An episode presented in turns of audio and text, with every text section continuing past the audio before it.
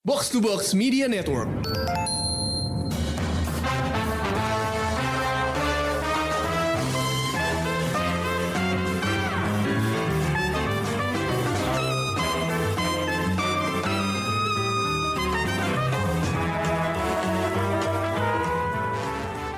halo pendengar Showbox, balik lagi di episode terbaru Showbox Podcast bareng gua Krisna.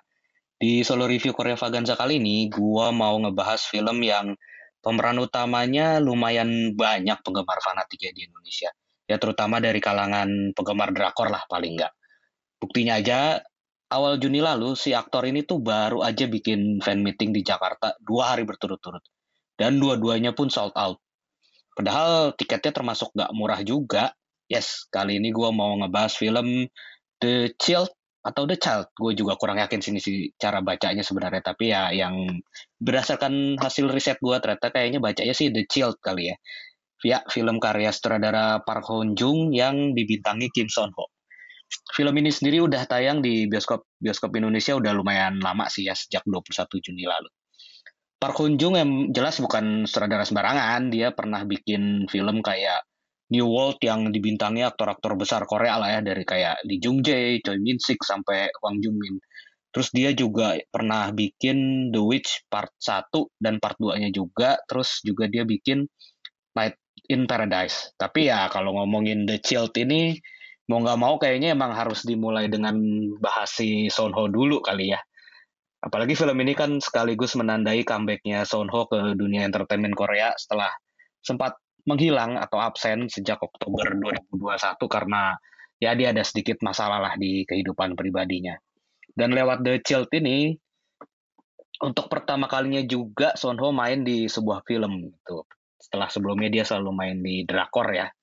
Nama Son Ho sendiri benar-benar meledak terutama di kalangan penonton drakor kalau teman-teman semua masih ingat waktu itu pas dia berperan sebagai Han Ji Pyong di drakor Startup pada 2020 lalu lah. Walaupun sebenarnya sebelumnya dia udah lumayan terlibat di cukup banyak drakor ya. Ya alasannya apalagi kalau bukan gara-gara di startup itu kayaknya kayaknya hampir semua penonton itu terkena second lead syndrome kali ya. Kondisi di mana penonton tuh waktu itu justru lebih ngejakoin si Ji Pyong ini yang sebenarnya second male kan, second male lead gitu kan buat jadian sama si female lead-nya gitu si Sodalminya Bai Suzy gitu. Diban justru dibanding uh, male lead-nya gitu. Nah gue pribadi sebenarnya juga nggak nggak suka sih sama drakor ini karena apa ya terlalu klise over dramatis terus ya banyak hal-hal yang nggak masuk akal lah. Tapi akhirnya gue juga bisa nonton ini sampai selesai ya ya cuman karena karakter Haji Pyong gitu. Habis terus habis startup Son Ho ini makin bersinar lagi lah. Setelah akhirnya jadi dia jadi pemeran utama di drakor yang high profile lah istilahnya. Ya dia terus kan habis itu langsung main di hometown Caca-Caca di sini pun dia dipasangin sama si Min A yang secara karir tuh udah lebih senior dan mentereng lah. Tapi ternyata dia lumayan bisa mengimbangi kebintangannya si si Min A di sini gitu.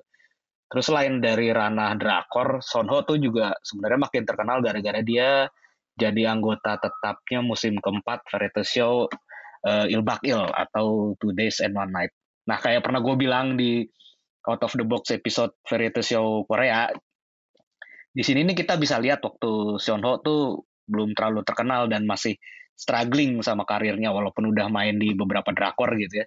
Kayak di episode-episode awalnya aja tuh kayak dia bahkan susah banget buat nyari orang yang cukup kenalin dia aja tuh nggak ada gitu di tempat umum. Padahal di tempat umum yang rame gitu kayak rest area di tol, di pasar gitu tuh dia buat nyari orang yang kenalin dia aja susah gitu. Ini juga apa ya dulu tuh di awal-awal sempat jadi bahan bercandaan anggota yang lain juga gitu. Tapi setelah dia di startup tuh tiba-tiba dia justru melesat jadi salah satu anggota terpopuler justru gitu. Nah oke okay lah itu cukup kita ngomongin Son Ho-nya. Sekarang kita mulai masuk ke pembahasan tentang filmnya kali ya. Si The Child ini sendiri ceritanya dimulai di Filipina saat seorang petinju muda keturunan Filipi, Filipina Korea yang istilahnya biasa disebut juga sebagai Kopino. Nah, bernama Marco yang diperanin sama Kim Tae-ju. Nah, dia juga sering ngelakuin apa ya, pertandingan tinju bawah tanah lah demi uang gitu karena ibunya juga lagi sakit parah gitu. Jadi dia harus merawat ibunya gitu. Nah, Terus kemudian Marco dapat info nih kalau bapaknya di Korea tuh ternyata orang super kaya lah gitu. Walaupun si bapaknya ini udah nelantarin dia dan ibunya sejak kecil tapi ya dia berusaha lah mencoba menemui si bapaknya ini di Korea untuk apa ya ya mungkin bisa membantu keuangannya untuk merawat ibunya gitu. Tapi ya tapi sampainya di Korea ini si Marco justru apa ya kayak diburu dan dikejar sama banyak pihak gitu. Ada pihak yang kayak nggak mau Marco sampai ketemu bapaknya terus ada juga yang justru punya kepentingan untuk membuat Marco bisa ketemu bapaknya gitu. Ya kepentingan itu memang cukup misterius gitu tapi ada juga yang kayak gitu. Terus selain dari dua pihak tersebut terus muncul juga sosok semacam apa ya fixer sekaligus pembunuh bayaran misterius yang ikut membantu eh ikut memburu Marco gitu. Nah sosok misterius yang selalu disebut sebagai nobleman gitu karena kita nggak pernah tahu nama aslinya gitu ya cuma disebut sebagai nobleman. Terus dia juga suka Eh, menyebut dirinya dan menyapa targetnya tuh dengan sapaan cinggu gitu yang artinya teman. Ini yang di karakter inilah yang diperankan oleh si Son Ho. Nah, menurut gua si Son Ho ini melakukan keputusan tepat sih dengan memilih karakter kayak gini di apa ya kayak di debutnya di film lah gitu. Dia bisa jadi kayak sedikit lepas dari image karakter anak baik yang didapatnya tuh dari startup dan hometown Caca-Caca gitu. Dia di ini juga di Ilbakil juga dia punya image anak baik gitu kan. Nah, di sini dia bisa lumayan keluar lah dari bayang-bayang itu. Ya walaupun di awal-awal film gua sih emang sempat ngerasain kalau si Son Ho ini masih agak struggling sama karakter yang dimaininnya.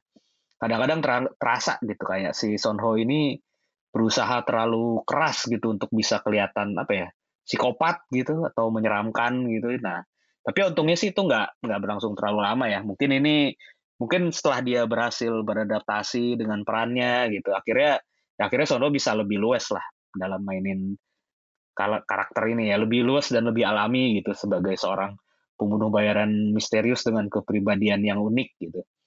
Mungkin juga ini hasil dari jam terbangnya sebagai aktor ya, yang sebenarnya udah lumayan tinggi. Karena sebelum masuk ke drakor pun tuh dia sebenarnya udah cukup lama lah menempa skill actingnya tuh di panggung teater. Jadi ya lumayan ini lah emang dia aktor beneran lah gitu. Terus nggak nggak apa ya dia bisa bikin si karakter nobleman ini nggak cuman terlihat berbahaya dan misterius tapi juga bisa ngasih dimensi lain yang lumayan inilah kocak lah lumayan menghibur lah. Kayak bisa nunjukin sikap ramah tapi juga intimidatif ke targetnya gitu. Terus kadang dia nunjukin kayak apa ya gestur yang lucu kayak dia sangat terobsesi dalam menjaga kebersihan sepatunya yang mahal gitu. Itu lumayan apa ya lumayan berhasil bikin setiap kemunculan si nobleman nih menghibur lah kalau buat gue sih. Terus di bagian actionnya juga si Son Ho nih bisa terlihat apa ya paling nggak terlihat fit lah dalam eksekusi setiap adegan kejar-kejaran atau pertarungan gitu. Di sini kalau di sini sih menurut gue yang lebih punya peran si sutradara sendiri si Hunjung yang punya peran gede lah untuk memaksimalkan itu gitu. Dia juga bisa apa ya kayak mainin sedikit trik kamera atau sudut pengambilan gambar yang bisa uh, sedikit menutup kekurangan Sonho dalam hal bela diri ya. Kayak jadi nggak gitu kelihatan karena kan ya Sonho kan emang seorang aktor yang basicnya bukan dari bela diri gitu ya. Dia bukan action star gitu. Ini baru pengalaman pertama ya. Jadi mungkin dalam hal bela diri dia masih belum terlalu berpengalaman gitu ya. Nah cuman dengan permainan kamera salah satunya mis dengan trik shaky cam itu juga jadinya bisa gak gitu kelihatan lah kekurangannya si Son Ho di bagian ini gitu. Jadi bisa tetap seru dan brutal gitu. Terus dari sisi cerita si Park Hoon Jung nih emang nggak bikin sesuatu yang kompleks gitu ya kayak yang misalnya pernah dia bikin atau tulis di New World atau I Saw the Devil ya dia dia yang nulis ya apa By the way dia juga yang nulis I Saw the Devil ya walaupun bukan dia yang menyutradari. Makanya dia apa ya di sini tuh terlihat memilih untuk lebih pol-polan di adegan actionnya dan itu emang berhasil gitu. Kayak adegan pertarungannya tuh menurut gue sih lumayan brutal, penuh darah gitu. Tapi tapi bukan itu hal terbaik di film ini karena menurut gue hal terbaik di film ini tuh justru adegan kejar-kejarannya yang intens, yang intens banget gitu. Buat teman-teman yang udah familiar sama karya-karya si Hunjung sebelumnya sih mungkin emang udah nggak kaget lagi lah ya sama kemampuan dia dalam menata adegan action gitu ya. Kayak adegan kejar-kejaran yang bermobilnya gitu yang pakai mobilnya tuh seru banget.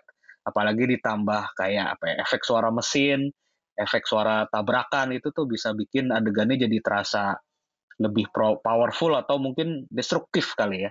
Itu itu itu berhasil banget terus yang tapi yang lebih gue suka lagi justru adegan kejar-kejaran yang sambil yang lari bukan yang bermobil gitu yang beneran kejar-kejaran berlari-larian lah gitu. Itu nggak apa ya nggak cuma negak apa menegangkan tapi kayak gue bisa ikut kayak apa ya ngos-ngosan kali kayak ngos-ngosan bisa napas gitu. Itu intens banget setiap adegan kejar-kejaran yang lari-larian itu. Menurut gue ya mungkin menurut gue secara umum nih ya secara umum filmmaker Korea tuh kayak emang demen dan jago sih bikin adegan lari-larian tuh. Yang apa bikin ngos-ngosan tuh emang jago sih mereka. Nggak cuman di genre action bahkan. Mereka juga kayak adegan kayak gini tuh bisa nyelip di drama atau bahkan komedi gitu. Kayaknya mereka emang inilah emang tahu banget dan cukup pintar dalam mengeksploitasi atau manfaatin kondisi negara mereka lah. Soalnya kan kayak kota Seoul tuh kan emang berbukit gitu. Terus atau kayak kayak termasuk yang kelihatan di film ini juga tuh kayak layout pedesaannya tuh atau perkampungan mereka tuh kan kadang kayak labirin juga gitu. Jadi sering kali kayak ketika kejar-kejaran lari-larian tuh ada yang mesti motong lewat gang yang lain atau apa gitu kan. Itu itu selalu seru sih itu selalu menegangkan sih buat gua. Ya terus di satu lagi sih yang cukup menarik perhatian gua dari film ini di awal film lah terutama ya.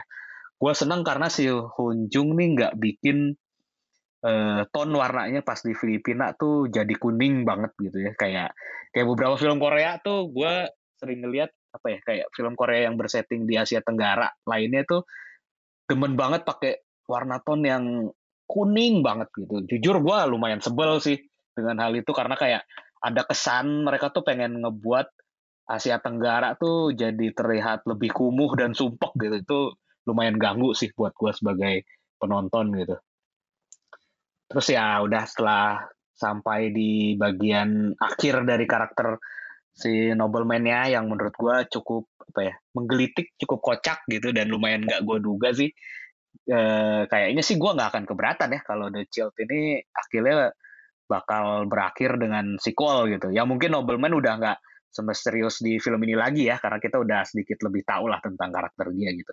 Tapi saya kayaknya sih bakal tetap menghibur deh untuk ngelihat dia ngejar-ngejar karakter lain lagi gitu atau ngurusin masalah-masalah lain lagi gitu. Ya mungkin treatmentnya bisa kayak ini kali ya, kayak Madongsok di The Outlaws yang kemudian sekarang berlanjut di Drown Up gitu kan bisa lah kayak gitu. Ya kalaupun akhirnya ada gitu, mungkin kita emang apa ya belum belum akan mendapatkannya dalam waktu dekat.